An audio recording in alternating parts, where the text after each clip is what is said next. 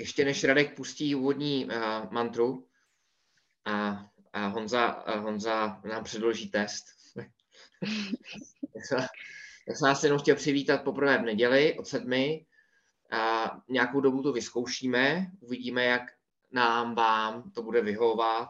Můžeme to za měsíc, dva, tři vyhodnotit a, a, a nebo třeba za rok a můžeme si to udělat tak, jak se nám to všem líbí a vyhovuje.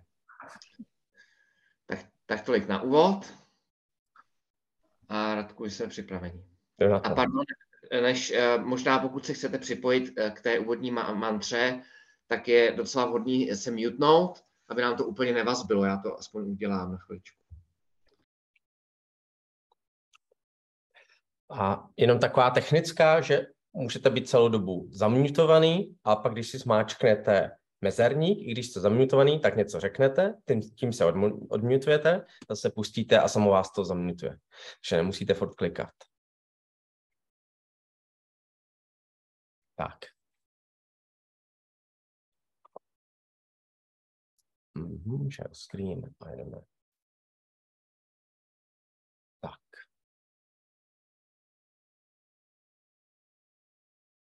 No, ještě musíme dát full screen, vidíš full screen. Enter full screen.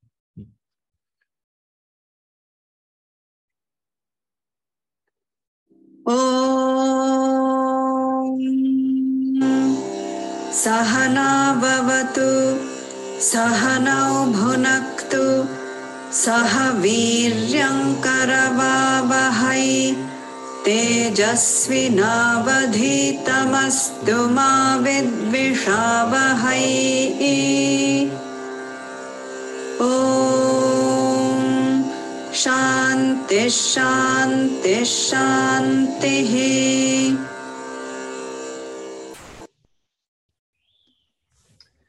Jenom připomenu, protože už jsem to dlouho ne, ne, neudělal, toto je úvodní mantra z Upanishády, která se jmenuje Kena, neboli Keno Panishad dohromady. A možná si vzpomenete, Om reprezentuje cíl, cíl duchovního hledajícího nebo také Brahmana.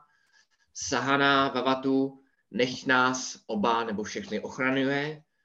Sahanau Bunaktu, ať, ať nás studium těší. Saha Viryam Karavávahaj, ať se společně snažíme. Tejasví návady tamastu, ať je naše studium brilantní, skvělé. A poslední má vyšávahaj, ať se tady zbytečně nepřeme a nehádáme. Om Shanti, Shanti, Shanti. Vítejte, Honzo, máš slovo.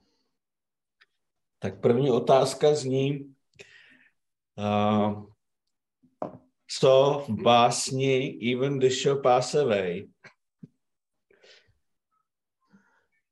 je vlastně za, tu, za ten zák, základní message? To je takový test, jenom jestli jste, jestli jste četli ten, ten můj blog. To byla taková legrace. Uh, samozřejmě objektivita, ale jenom tak mezi řádky řečeno. On je vlastně stělesnění objektivity. Za mě je to mnohem lepší báseň, ale je to samozřejmě subjektivní pocit, než ten Village Preacher, protože ten je trošku takový složitější, když to ten Even The Shall Pass Away, tam je to takový přímočařejší, kromě toho, že ta báseň je prostě hezká a pěkně se recituje a dokonce se ji pěkně poslouchá, jestli jste si to poslechli na tom YouTube videu, tak to byla taková odbočka trošku legrační. Eh, druhá otázka zní, Jestli pak víte, proč máme měsíc květen měsícem eh, jak ahimsy, tak kšánty? Pro ty z vás, kteří by to nevěděli, tak důvod je ryze praktický, protože vlastně jsme z toho května až tolik hodin neměli. Tady to je asi první květnová neděle, hodina možná, pokud se nepletu, nebo, nebo maximálně druhá, protože jsme mezi tím měli volno a mezi tím jsme měli taky eh, minulé retreat.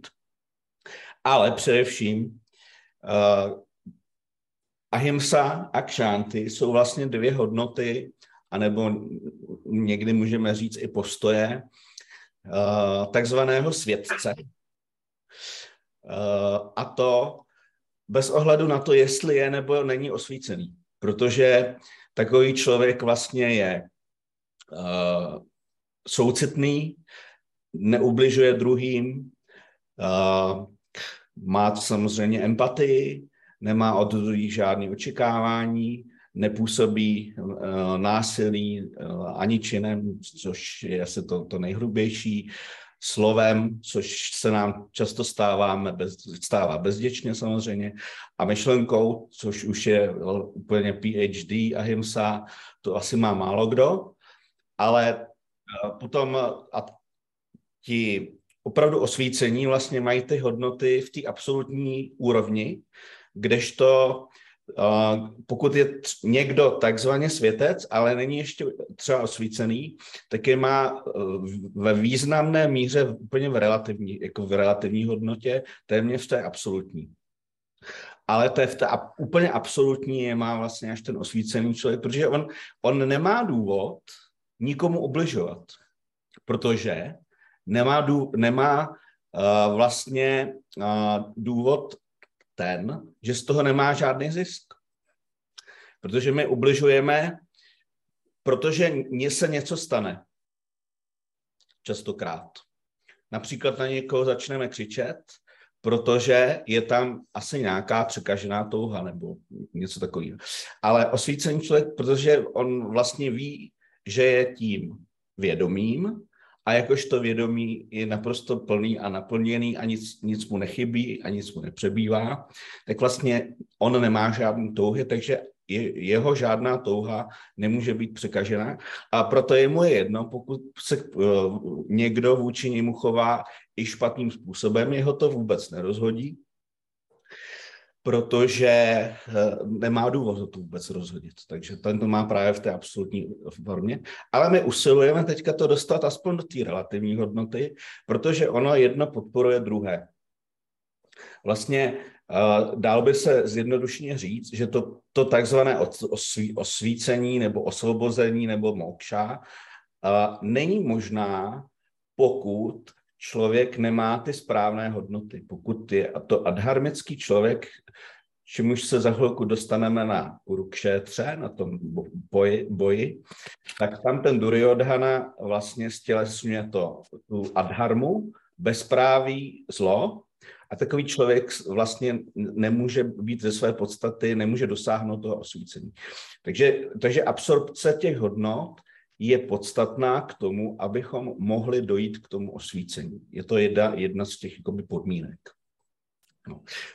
A úplně ty dvě nejdůležitější, aspoň teda z mého pohledu, ale nejenom z mého pohledu, jsou právě tady ty dvě, ahimsa a kšanty. A kdo, kdo na nich pr- pracuje, a to samozřejmě jsme si řekli, že to uh, nezískáme za noc, ani Řím nebyl postaven za den, jak víme, tak uh, musíme na nich pracovat a pokud na nich pracujeme a pracujeme, pracujeme, tak uh, myslím si, že buď Aváňa nebo Suka minule před týdnem říkali, že pokud získáme nebo si osvojíme jednu z těch hodnot, tak ty ostatní automaticky následují.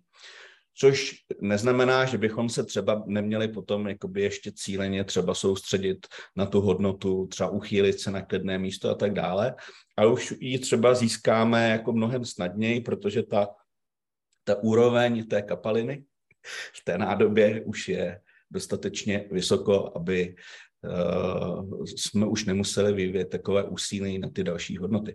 Takže právě proto, že jsou to dvě úplně z nejdůležitějších hodnot, tak proto je, proto je máme i jakoby dohromady teďka, jakoby po druhé, ale vlastně bychom na nich mohli pracovat celý, celý rok, celé roky, proto, a stejně bychom tu ahimsu asi v, uh, v tom eh, PhD levelu jen tak nedosáhli, protože i, i ubližovat těma myšlenkama, když už neubližujeme slově, i slově je těžký neubližovat samozřejmě, protože občas nějaký vtípek uděláme například a vůbec si neuvědomujeme, že to toho druhého může nějak rozlobit, dotknout se ho a tak dále a tak dále. Tak proto máme tyhle ty dvě hodnoty dohromady. Za prvé ryze z praktických důvodů a ryze z duchovních důvodů vlastně. No. A kolik máme hodin? Bych úplně nezdržoval, ještě máme chviličku. Tak si dáme jenom nějakou základní otázku na tu ahimsu. A definice je jasná, to jsme si řekli minule, neubližování myšlenkou, to je to nejvyšší, slovem a činem, to je to nejhrubší. Ale pro, proč vlastně ubližujeme? Z jakého důvodu? Je tam pocit ohrožení našeho, našeho ega? Může být, ale říkali jsme si, že jsou tam tři důvody.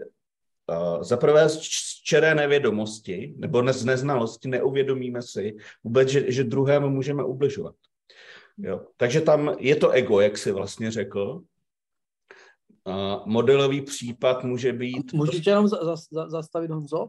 Ano. Jak jsme si říkali, vlastně eh, ten úmysl je zásadní. Jo? Čili pokud já neumyslně někomu oblížím, je to taky, je to taky, jakoby spadá, spadá to do té kategorie jakoby hří, no, hříchu, ne. Já vlastně si ne, nerozvolním mysl, když ne, ne, neumyslně jako ubližuju, jo. Uh, takže když říkáš, jakoby přemýšlím nad tím, jestli je to vlastně ubližování vůbec. Jo. No, uh, třeba otázka těch vtípků hmm. uh, je ubližování, ačkoliv si to nemusíme uvědomovat. Jasně. Ale ono si to třeba uvědomíme tak, že potom třeba máme ten špatný pocit, že nám toto svědomí mm. jakoby dodatečně řekne. Mm.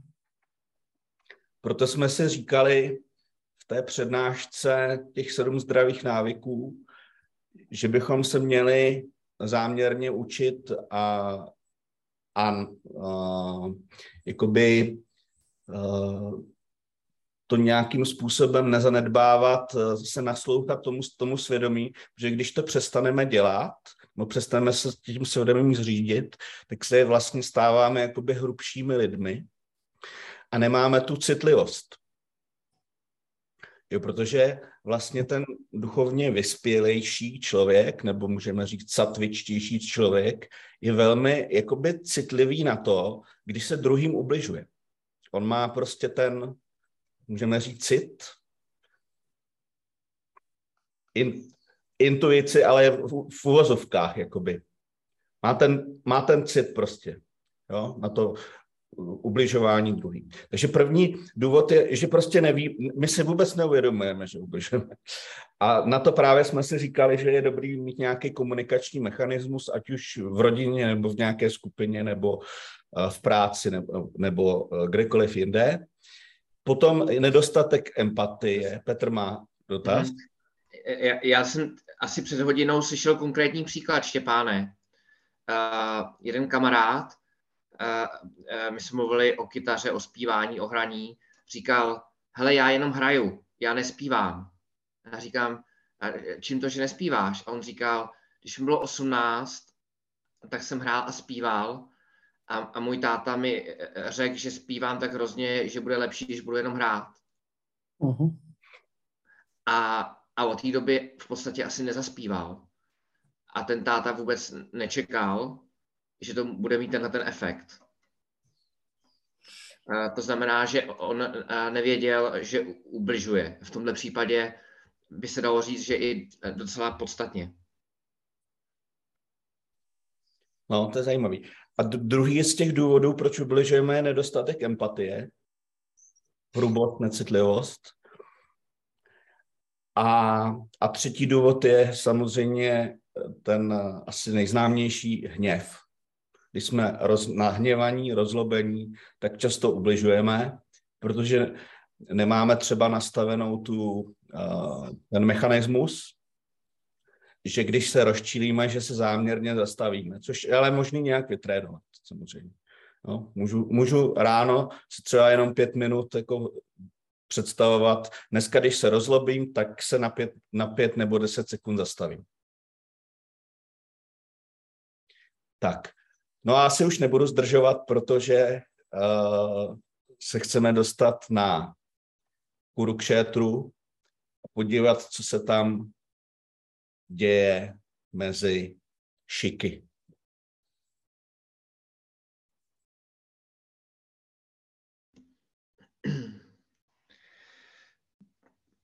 Díky, Honzo. A protože jsme si díl neviděli, tak vás, nás, maličko ještě krátce vpravím do děje. A všichni si určitě pamatujete, že jsme v první kapitole Bhagavad Gita. A taky si možná pamatujete, že tu a tam se první kapitola nestuduje, protože neobsahuje mnoho filozofie, ale přesto, a spíš to uvidíte i v dalších hodinách, obsahuje docela dost psychologie. A má, jmenuje se Arjuna Vishada Yoga.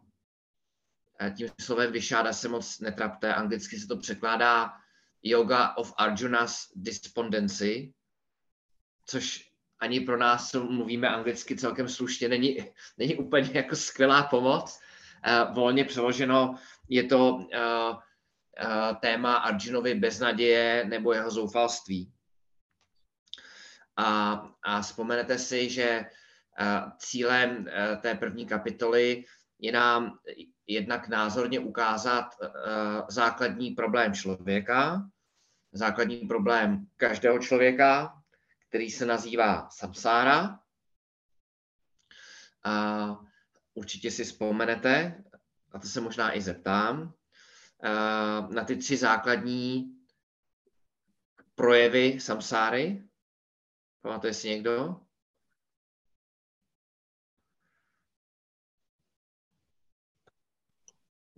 Monika? Rága. Rága, no, ano. Rága, šoka a moka. Moha. Mhm, mhm. Moha. Rága, šoka, moha. Skoro. Vadí. Rága, šoka, moha. Rága je lpění, připoutanost k něčemu.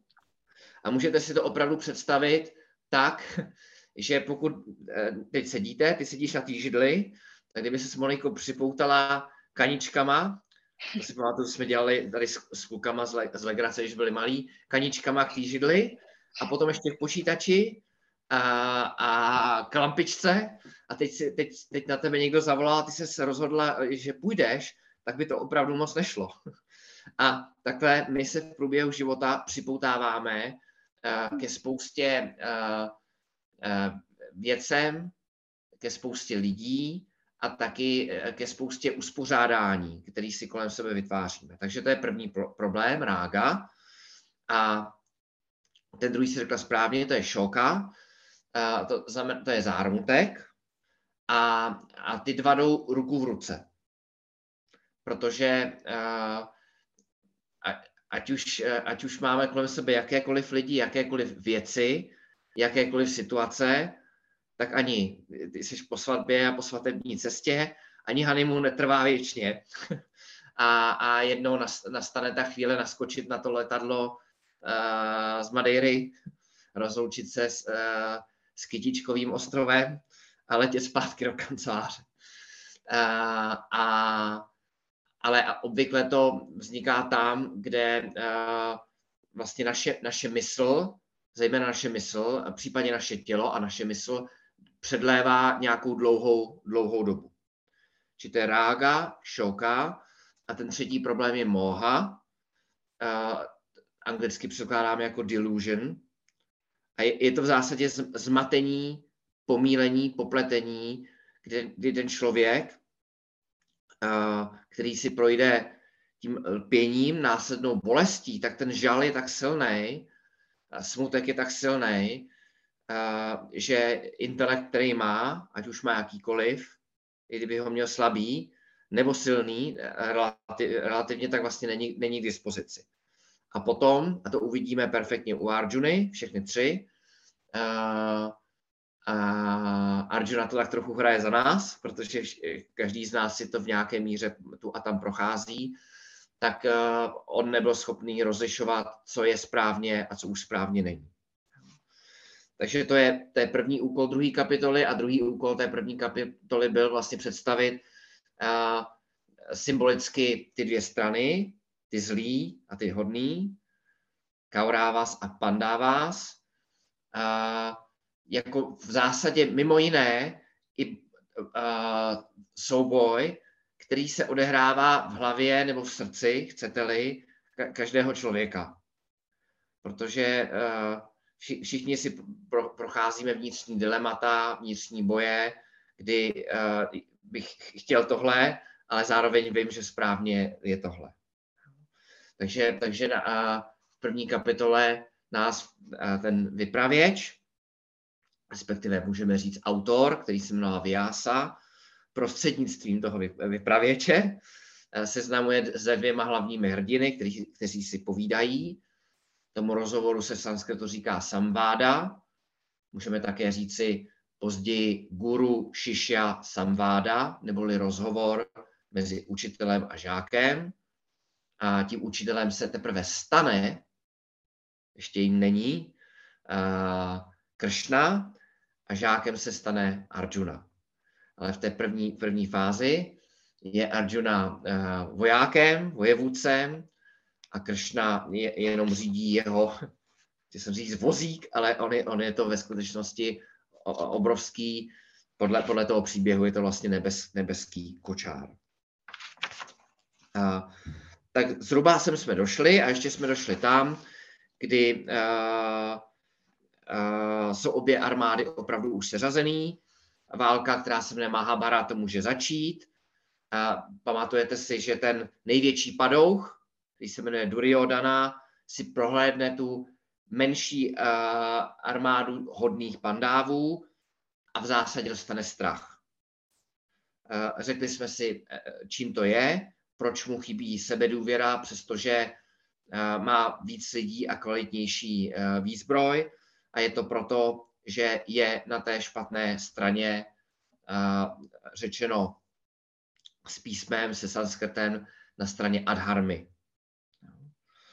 A naopak na straně pandávů v tuhle tu chvíli vládne sebedůvěra a, a protože ten klíčový válečník, zase na té straně zlé, který se jmenoval Bíšma, vypozoroval, rozpoznal, že ten Duryodhana se bojí, tak zatroubil na ten, to si možná vzpomenete, na, tuším zařval dokonce, a pak zatroubil na ten obrovský roh a dal signál, signál k boji. A, a teď, se, teď se přesuneme dál. Uh, budeme si povídat o tom, jak troubějí na dalších stranách, ještě dneska poměrně dost. A, a, a pak si povíme, jak, jak se to celé ještě posune. Tak Radku, jestli nám dokážeš pustit uh, aspoň jeden, případně ty verše za sebou, jak to tam máš, jakkoliv.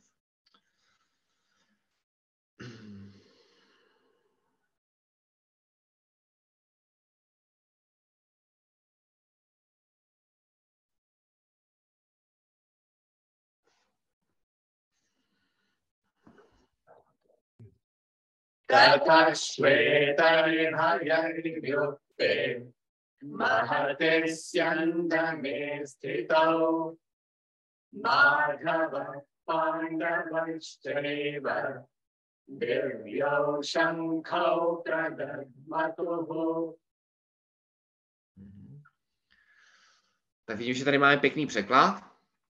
Poté Kršna a Arjuna, sedící ve velkolepém voze, taženém bílými koňmi, zatroubili na své nebeské lastury. A, takže teď si to představte, že ten vypravěč, Vyasa, kdyby to byl film, tak udělá záběrem kamera, najede na, na ten veliký vůz s Arjunou a s Kršnou a, a všichni rozeznávají tu nejdůležitější osobu, což není Arjuna, ale je to ve skutečnosti Kršna, který je avatarem, neboli vtělením samotného pána a, a díváme se i na koně, kteří jsou bílí. A tady je zajímavá metafora. Ta, uh, Vyasa, když psal Bhagavad Gita, tak uh, uh, čerpal z Upanishad hojně. Některé verše jsou převzaty doslova z Upanishad. A tady je použi, použitá metafora kočáru, to je z Upanishády, co se jmenuje Katopanishad. A možná jste už slyšeli, že uh, si to můžete představit tak, že naše fyzické tělo je kočár, naše smyslové orgány, oči, uši a tak dále, jsou koně. Mysl, která má schopnost, spíše by měla mít schopnost, kontrolovat naše smyslové orgány, jsou opratě. A intelekt je ten kočí, který by měl opratě pevně třímat nebo dřímat, držet ve svých rukou. A, a pasažér, to je to, je, to, je, to, to je to pravé já. A to, to sedí uvnitř toho kočáru. A k tomu, abychom mohli dobře postupovat po cestě k našemu cíli, v tomto případě duchovnímu cíli, k mokše, ke svobodě, tak potřebujeme, aby všechny tyhle ty složky perfektně fungovaly. A ty koně jsou mimo jiné bílí proto, že Sarasvaty, bohyně vědění nebo bohyně moudrosti podle indické tradice, je to mimochodem žena, tak je oděná do bílých šatů. A oba dva, tím, že zaduli na ty svoje lastury, já jsem si vždycky doteďka myslel, že jsou to rohy, ale asi jsou to třeba lastury, asi jsou to určitě lastury, tak ukazují svoji připravenost k boji. A příští verších se dovíme nějaké podrobnosti, kdo na jakou lasturu, případně nástroj troubí a, ta, a tak dále. Mhm.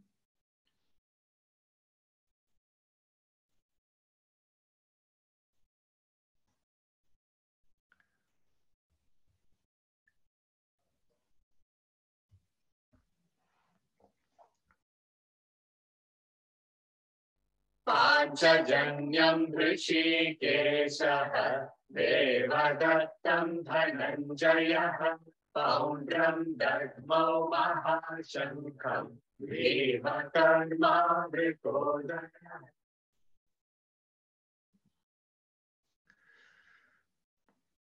Tak. Kršna zatroubil na Pančadžanyam, Arjuna zatroubil, zatroubil na Devadatta, Bíma, vykonavatel strašných činů, na velký roh Poundra. Uh, možná si už nespomenete, ale když jsme mluvili o tom troubení těch zlých, což je pár týdnů zpátky, tak tam nebyly uvedený názvy těch jednotlivých lastur nebo rohů. Uh, a to mimo jiný ukazuje na to, komu Vyasa fandí a za každým tím jménem, který nám se těžko vyslovuje a těžko pamatuje, je nějaký konkrétní příběh. A to, co je zajímavé, už, už teď ten verš v sanskritu nevidíme, a to nevadí, že mimochodem pro Kršnu i pro Arjunu se v Bhagavad Gita používají různá jména. Tak jako uh, jste určitě měli nějaké přezdívky v dětství a na táboře, nebo možná doma vám nějak říká maminka nebo táta nebo brácha, tak podobně je to tady. A každé to víno, víno taky, ale jméno má specifický význam.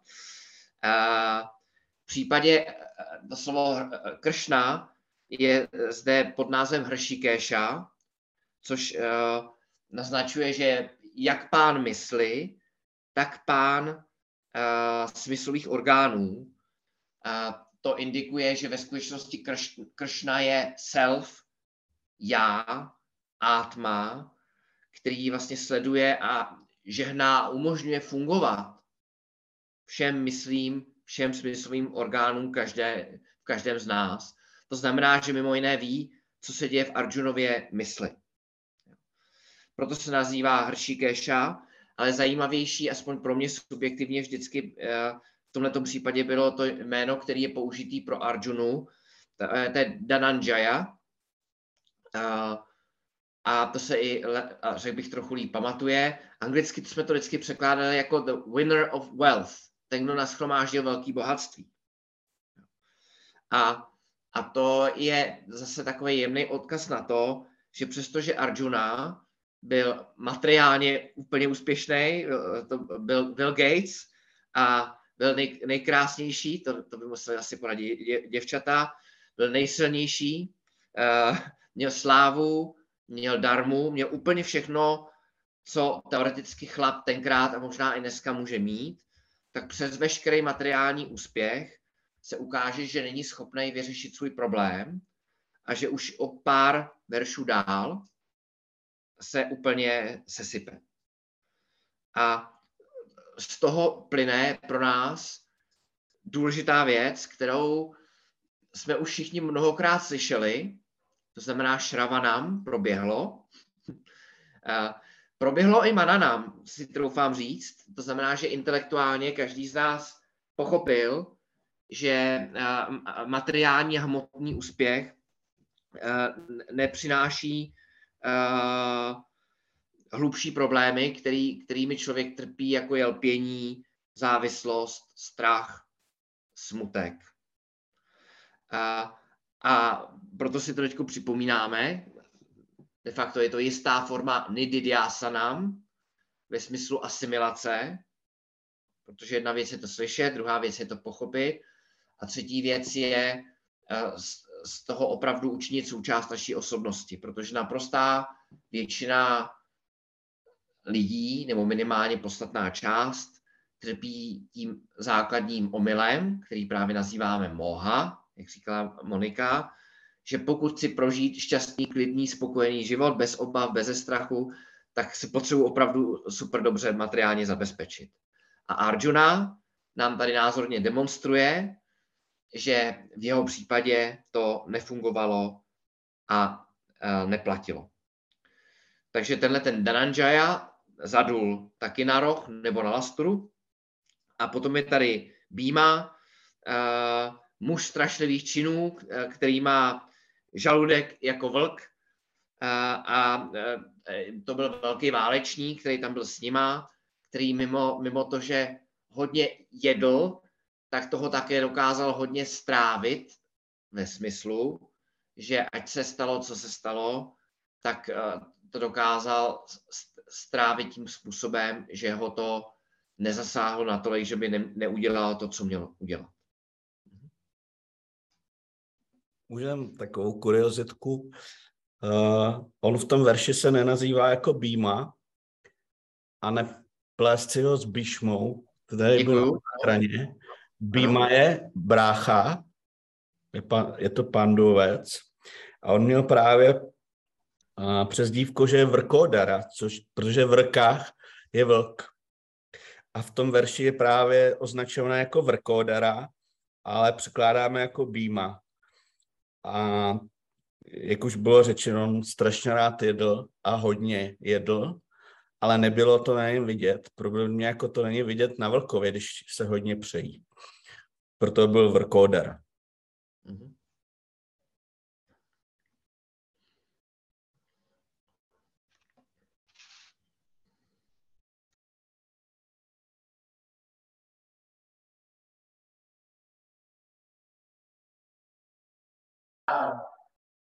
Kunti पुत्रो युधिष्ठिरः नकुलः सह देवश्च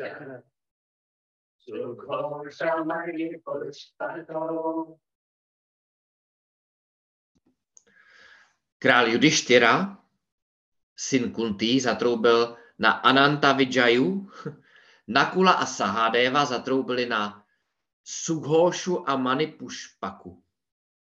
Takže já bych tohle ani moc nekomentoval a Honza nám to může obohatit, ale v zásadě další dva pandávové kteří jsou významní eh, z hlediska mnoha příběhů, zaduli na své rohy. Tři. Tři. už pandávové má, na tři rohy. Už jich máme všech pět, jo? Máme Arjunu, máme Bímu, máme Judištyru a máme ty, tady ty dva což jsou Makula a Sahadeva. A ještě možná, protože to asi v tom komentáři myslím, že není úplně, je potřeba vědět, že Judištyra je ten uh, právoplatný král. Judištyra je, je taky, někdy se nazývá Brahma, Brahma, dr, uh, Dharma Putra.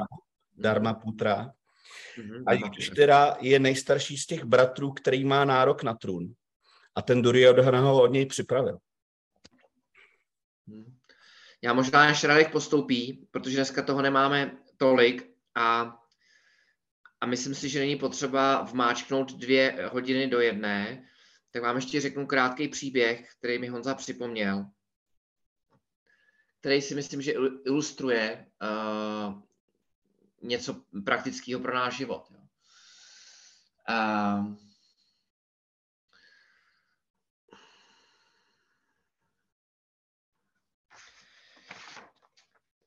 ten Pandáva, plávobratný král, který se jmenoval Judištyra, má skutečně ještě druhé jméno, které se jmenuje uh, Dharmaputra.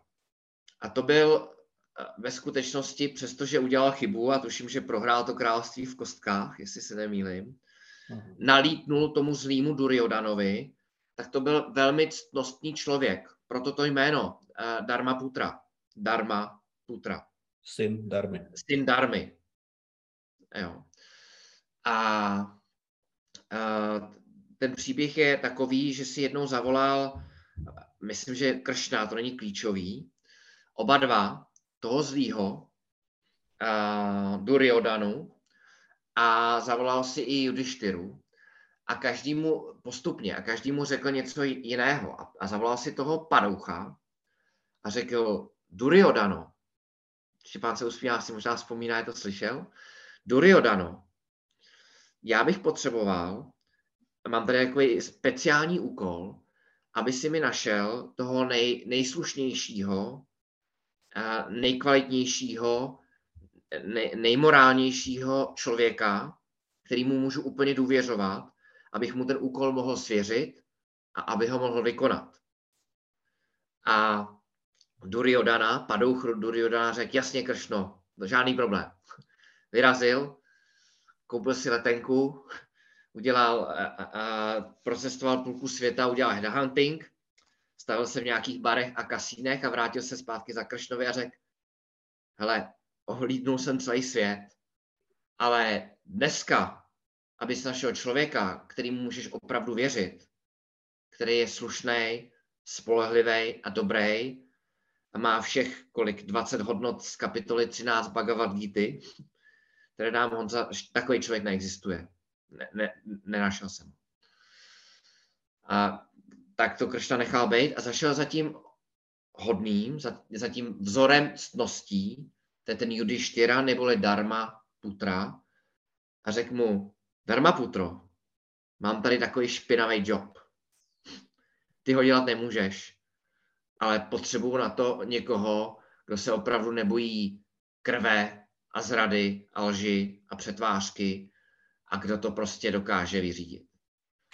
A tak Dharma Putra pokrčil rameny a, a řekl, že udělá všechno a že ho, že ho prostě najde a vyrazil. Vrátil se a vrátil se s nepořízenou. Říká, hele, cestoval jsem kus světa, kus Indie, ale všude, kam se vrtnu, tak jsou jenom lidé dobří a milí, laskaví. A já takovýho padoucha kršno nikde nemůžu najít. A všichni, všichni už doufám, snažil jsem se, eh, jste zachytili eh, pointu příběhu. Uh, Swamiji to schrnuje krásně jednou větou as the mind, so the world. A, a nechci zabíhat dál při hodinách Vedanty, ale, ale pamatuju si na, na, na politika, politické strany, kteří uh, už viděli tu korupci a slibovali nám, že s tou korupcí za to, za. A, a, a, tak, a pak jsou taky mezi námi lidé, kteří třeba na, na, na problém korupce zase tak moc jako nenarážejí. A to už, to už je asi jako příliš jako povrchní a, a pragmatický, ale myšlenka je as the mind, so the world. A jak nám tady Honza krásně dojasnil, teď jsme se setkali v tom verši 16 s, s posledními třemi z pěti pandávů a jeden z nich tím, klíčo, tím klíčovým je právě Judištyra neboli Dharmaputra. Hmm.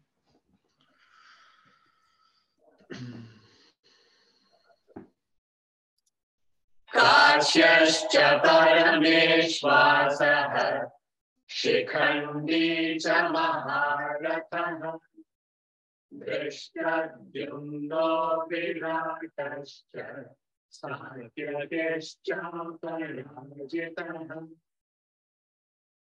Takže já pustím i ten druhý, protože jsou sloučený. कृपणो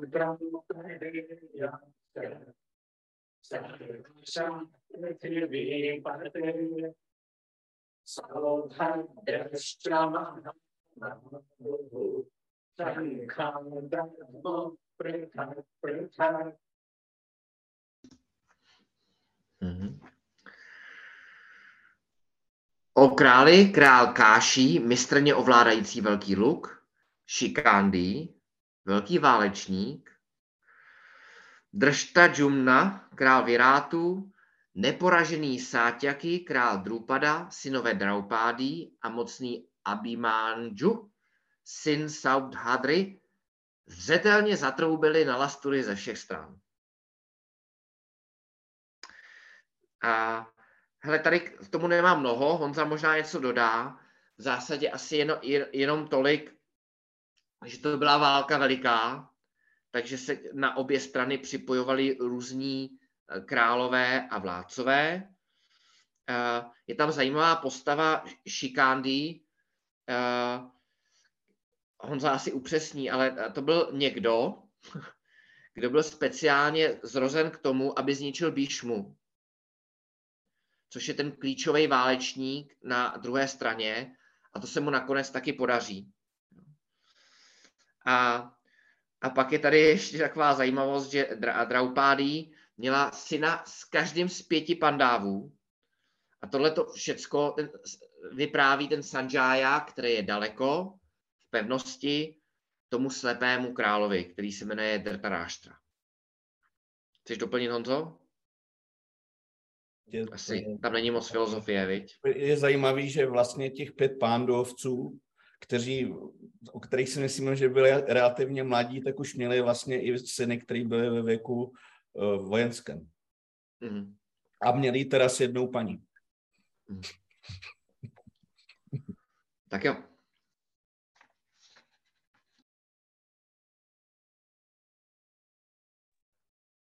सघोषोधातराष्ट्राणाम् हृदयानि व्यदारयन् नभश्च पृथिवीं च देव तुमुलो व्यनुदारयन्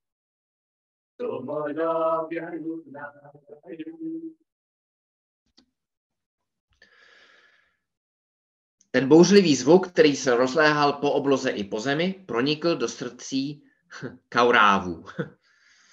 A to znamená, že když ti zlí, především Duryodana a jeho lidi slyšeli ten obrovský rachot, a určitě to byl obrovský rachot, tak to je tady se s nadsázkou říká, že to Duryodanovo srdce jakoby puklo, protože už předtím ten Duryodana měl strach a teď ten jeho strach ještě stoupnul. A my víme, proč stoupnul. Stoupnul díky nízký sebedůvěře, a nízké sebedůvěře způsobené to, že je na špatné straně, na straně adharmy. A když člověk je na straně adharmy, bychom také mohli říci, že to je tak trochu jako kdyby šel nebo jel proti větru, fouká proti němu, protože to, co fouká proti takovému člověku, je jeho vlastní svědomí. A, a když Honza mluvil o svědomí, já jsem do toho nechtěl vstupovat, tak eh, vy si všichni vzpomenete, že eh, na svědomí jsme se mimo jiné dívali jako na funkci jemného intelektu, jako co si, co, co se dá přirovnat ke kompasu v tom směru, že tak jako kompas vždycky ukazuje k severu, tak svědomí ukazuje k tomu nebo na to, co je správně nebo správné. Potíž je v tom, že když máme příliš mnoho tužeb a příliš mnoho modifikací tužeb, protože víte, že touha, desire neboli káma se často velmi snadno mění na hněv nebo na strach a, a, a tak dále, tak, uh, tak si můžeme to představit tak, že, že to svědomí, náš vnitřní hlas, je jakoby zastřeno, zakryto uh, touhami a jejich modifikacemi. Takže proto tady uh, je vlastně naznačeno, že Duryodhana cítí strach. Jsem je tady jenom zajímavá taková technikálie, že, že ona se tady mluví o kurovcích, ale v tom verši jako kur, slovo kurovce není použito a je tam v tom sanskrtu dár ta raštránám míněno, že jsou to drtaráštrovi synové, protože a ty pánduovci byli zase syny pándua a pándu a Detaráštra byli bratři a všichni vlastně byli kurovci. Oni jsou to jakoby jedna dynastie. Že čistě technicky to, co my nazýváme kurovci, jsou vlastně drtaráštrovci, on říká ten verš.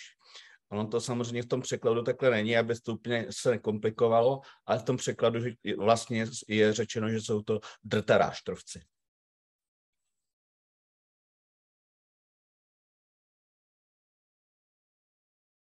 अथव्यवस्थितान् दृष्ट्वा।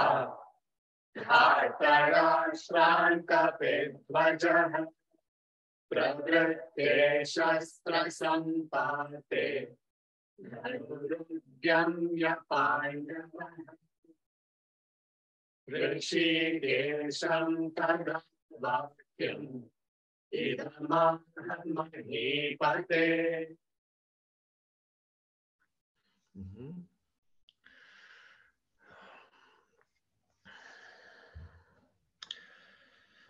Já tady řeknu maličko jiný překlad, nepatrně v jednom slůvku, který se zastavím. O králi potom, v momentě, kdy měl být zahájen výstřel šípů, spatřil Arjuna jeho škorouhev nese znak boha opic, rozestavené kaurávy, budu držet stejný termín, pozvedl luk a pronesl ke Kršnovi následující slova. Tady je totiž důležité slovo ata, hned to první, který se anglicky překládá často jednoduše pouze jako then, potom, jo. Potom ata, to se skoro rýmuje. A je to důležité slovo, protože naznačuje obrat, obrat děje. obrat děje. Eh, změnu tématu nebo změnu kontextu. Protože když si představíte, v jaké situaci se teď nacházíme, jsou tam ty dvě armády, všichni dujou na ty svoje lastury nebo rohy, říkáme si, kdo je kde. A už když tohle nastane, tak by měly lítat šípy. Mimochodem, Honzo, pamatuju si to správně, že, že šíp se řekne šástram. Ne, ne, ne. Ne? A jak se řekne šíp? Uh, třeba išu. Nebo šar, šaru. Jo, dobře. Já, tak se mož, možná se mýlím. Šástra je zbraň, kterou člověk drží v ruce. dobře, dobře. Tak to jsme, omlouváme se, znovu jsme odbočili. Každopádně, teď by, teď by měly začít lítat šípy, ale máme problém, protože Arjunovi prolíte hlavou myšlenka. A řekne si, hele, uh, možná bych se měl pořádně podívat, kdo je na druhé straně protože za chvilku eh, eh, spousta z těch eh, lidí, kteří jsou na druhé straně, bude mrtví a už jim nikdy nedohlídnu, nepohlídnu do tváře. A kdyby tahle ta myšlenka Arjunovi neprolítla hlavou, tak by žádná Bhagavad Gita nevznikla, Vyasa a Čárya by žádnou Bhagavad Gita nenapsal a my bychom tady dneska neseděli a nediskutovali. Uh, takže to, proto to důležité slovo ata potom, co si to Arjuna řekl, a protože přirozeně Arjuna tuší, že jsou to různí příbuzní, jak už Honza naznačil, a oni jsou ve skutečnosti, je to vlastně jedna, jedna dynastie, respektive možná dvě větve jedné dynastie, které stojí proti sobě. Takže Arjuna zvedne svůj luk, já si představu, že ho tak jako zvedne spíš jako aby pokynul a signalizuje, že není připravený. Jako třeba tenista na kurtě řekne, hele, ještě, ještě, ještě moment, než začneš servírovat. A, a to všechno Sanjaya vidí na dálku, bez satelitu, bez televize, protože ve skutečnosti vidí do Arjunovy mysli a je o tom schopen vyprávět. Mhm. Jestli chceš, Honzo, dodat něco k opici na vlajce, či, či, či, čemukoliv dalšímu, tak... Jo, ještě tam je právě ten termín kapit, kapit vadža, což je, je ten, kdo má na praporu znak opice. A opice na vlajce představuje toho boha Hanumana, neboli Ananjaju, který byl považován za bratr, bratra toho Bímy, toho vlka. A oba jsou synové boha větru, Váju. A ten Ananjaya souhlasil, že bude podporovat ty pánduovce v češtině v, tý, v té válce. A díky tomu, že byl na tom eh, jakoby praporu a že byl synem boha větru, tak se věří, že vlastně zároveň naslouchal tomu učení spolu s Arjunou.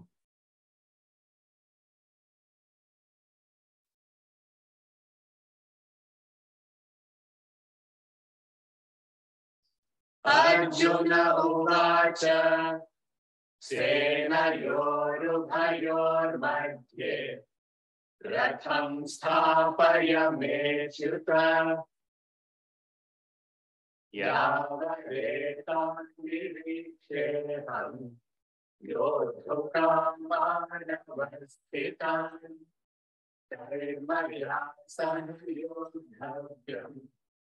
अस्मिन् रणसमुद्यमे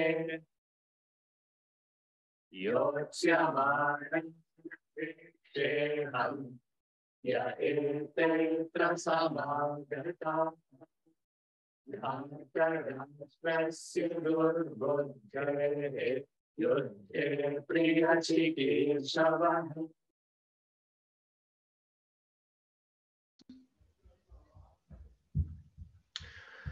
Arjuna řekl, o Kršno, postav můj vůz mezi obě armády, dokud neuvidím ty, kteří se schromáždili s touhou bojovat. Ať vidím, s kým se mám v této bitvě utkat. Chtěl bych vidět ty, kdo jsou zde schromážděni a dychtiví bojovat a kdo chtějí v této válce splnit touhu zlé mysli Duryodany. A... tak. Ar- Arjuna ve skutečnosti, jestli to Radek ještě může vrátit, ten verš případně. Uvidíme, jestli to tam opravdu uvidíme. Čeština je krásná. Uvidíme, jestli to tam opravdu uvidíme. Aha. Uh, on os, os, míst, Kršnovi tady říká ačuta, čuta, to je ten uh, druhý řádek na konci.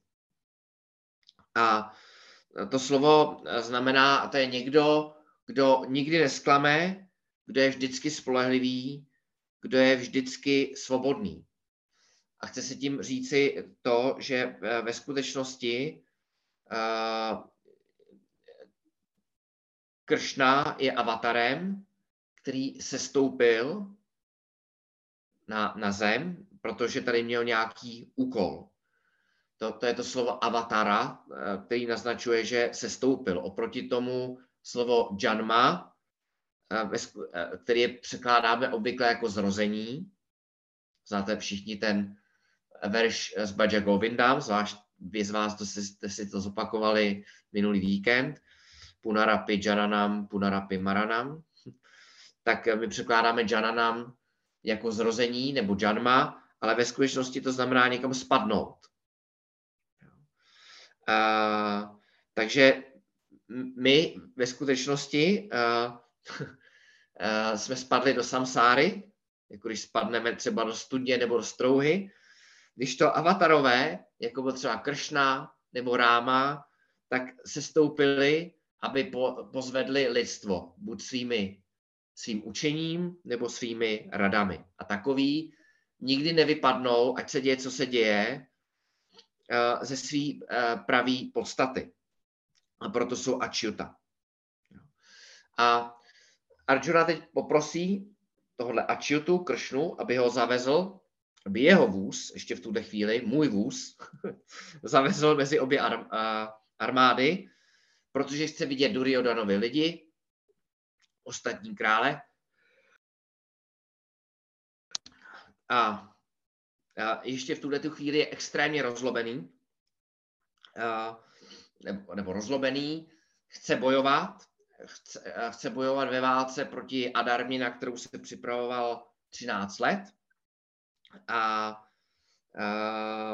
chápe, že a, spravedlivá válka je v tuhle tu chvíli jediné řešení, po té, co byly všechny ostatní možnosti vyčerpané. A že lidé konec konců jsou smrtelní, lidé přicházejí a lidé odcházejí. Jak nám řekne Kršna de facto v prvním verši Bhagavad Gita, což je verš 11 kapitole 2, bude říkat Gatásun a Gatásun, ti, co přichází, protože lidi jsou pouze dvojího typu. Ti, co přicházejí, jsou tady živí a ti, co odcházejí.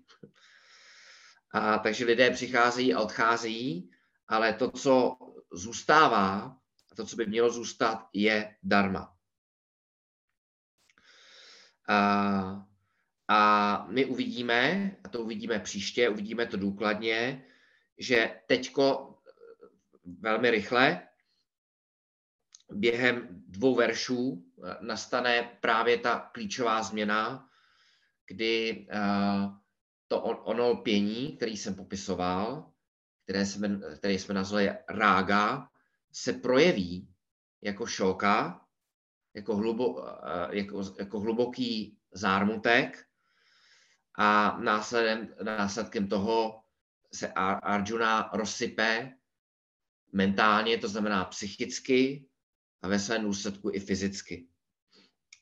A, a zmínil bych tady na závěr poslední věc, která je důležitá, kterou zmíním i příště. A, aby jsme se Arjunovi nesmáli, a, tak eh, je důležitý si uvědomit, že to lpění, ona, ona rága, nevznikla na bojišti. Eh, lpění, vlastně připoutanost v, v Arjunovi rostla k těm lidem, kteří tam jsou. Možná si vzpomenete Drona, Bíšma a další, se vlastně budovala po dlouhý léta. A to znamená, že to připoutonost vznikla mnohem dříve, ale, a to je právě na, na, na ní to záludné, nebyla vidět. To znamená, že Arjuna vlastně, když už nastoupil na to bojiště, tak pokud bychom použili metaforu onemocnění, tak on už byl nemocný. On už vlastně měl, já se trochu vyhýbám tomu slovu, jo, a, já, a vyhnu se mu úplně, on už měl vážný onemocnění, který pouze nebylo vidět. A a proto je pro, nejenom pro Arjunu, ale pro každého z nás tak obtížný uh, objevit ty osoby, věci, situace, uspořádání, na kterých lpíme a proto je tak obtížný si na ně dávat pozor, protože uh, ten, anglicky bychom řekli, ten build-up, to, jak to bují, jak se to buduje, trvá často měsíce, roky nebo desetiletí a pak nastane ta situace, v případě Arjuny dokonce jenom imaginární představa, že ti jeho milovaní učitelé, strýcové, bratři, otcové, pak si řekneme, proč je tam tolik otců, eh, mají zemřít. A tahle ta imaginární představa, ten hluboký smutek, šoka, eh, se projeví. A platí v zásadě přímá úměra mezi připoutaností a lpěním a následným zármutkem.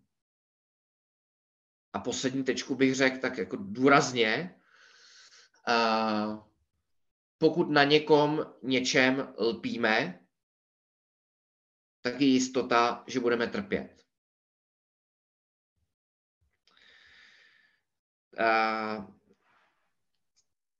Jak to dopadlo s Arjunou, se dozvíme příště.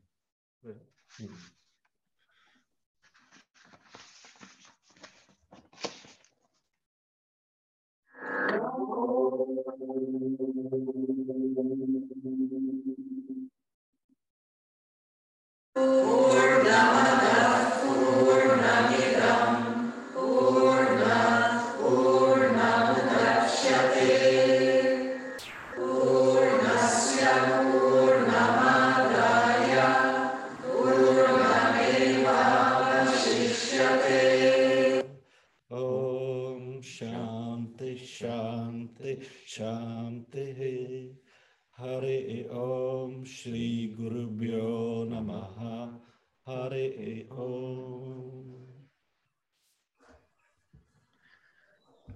Hezký večer. Děkujeme. Taky ahoj, díky, čau. Díky všem. Radku díky. Ahoj kluci. Ahoj dámy. Ahoj. Mějte se hezky.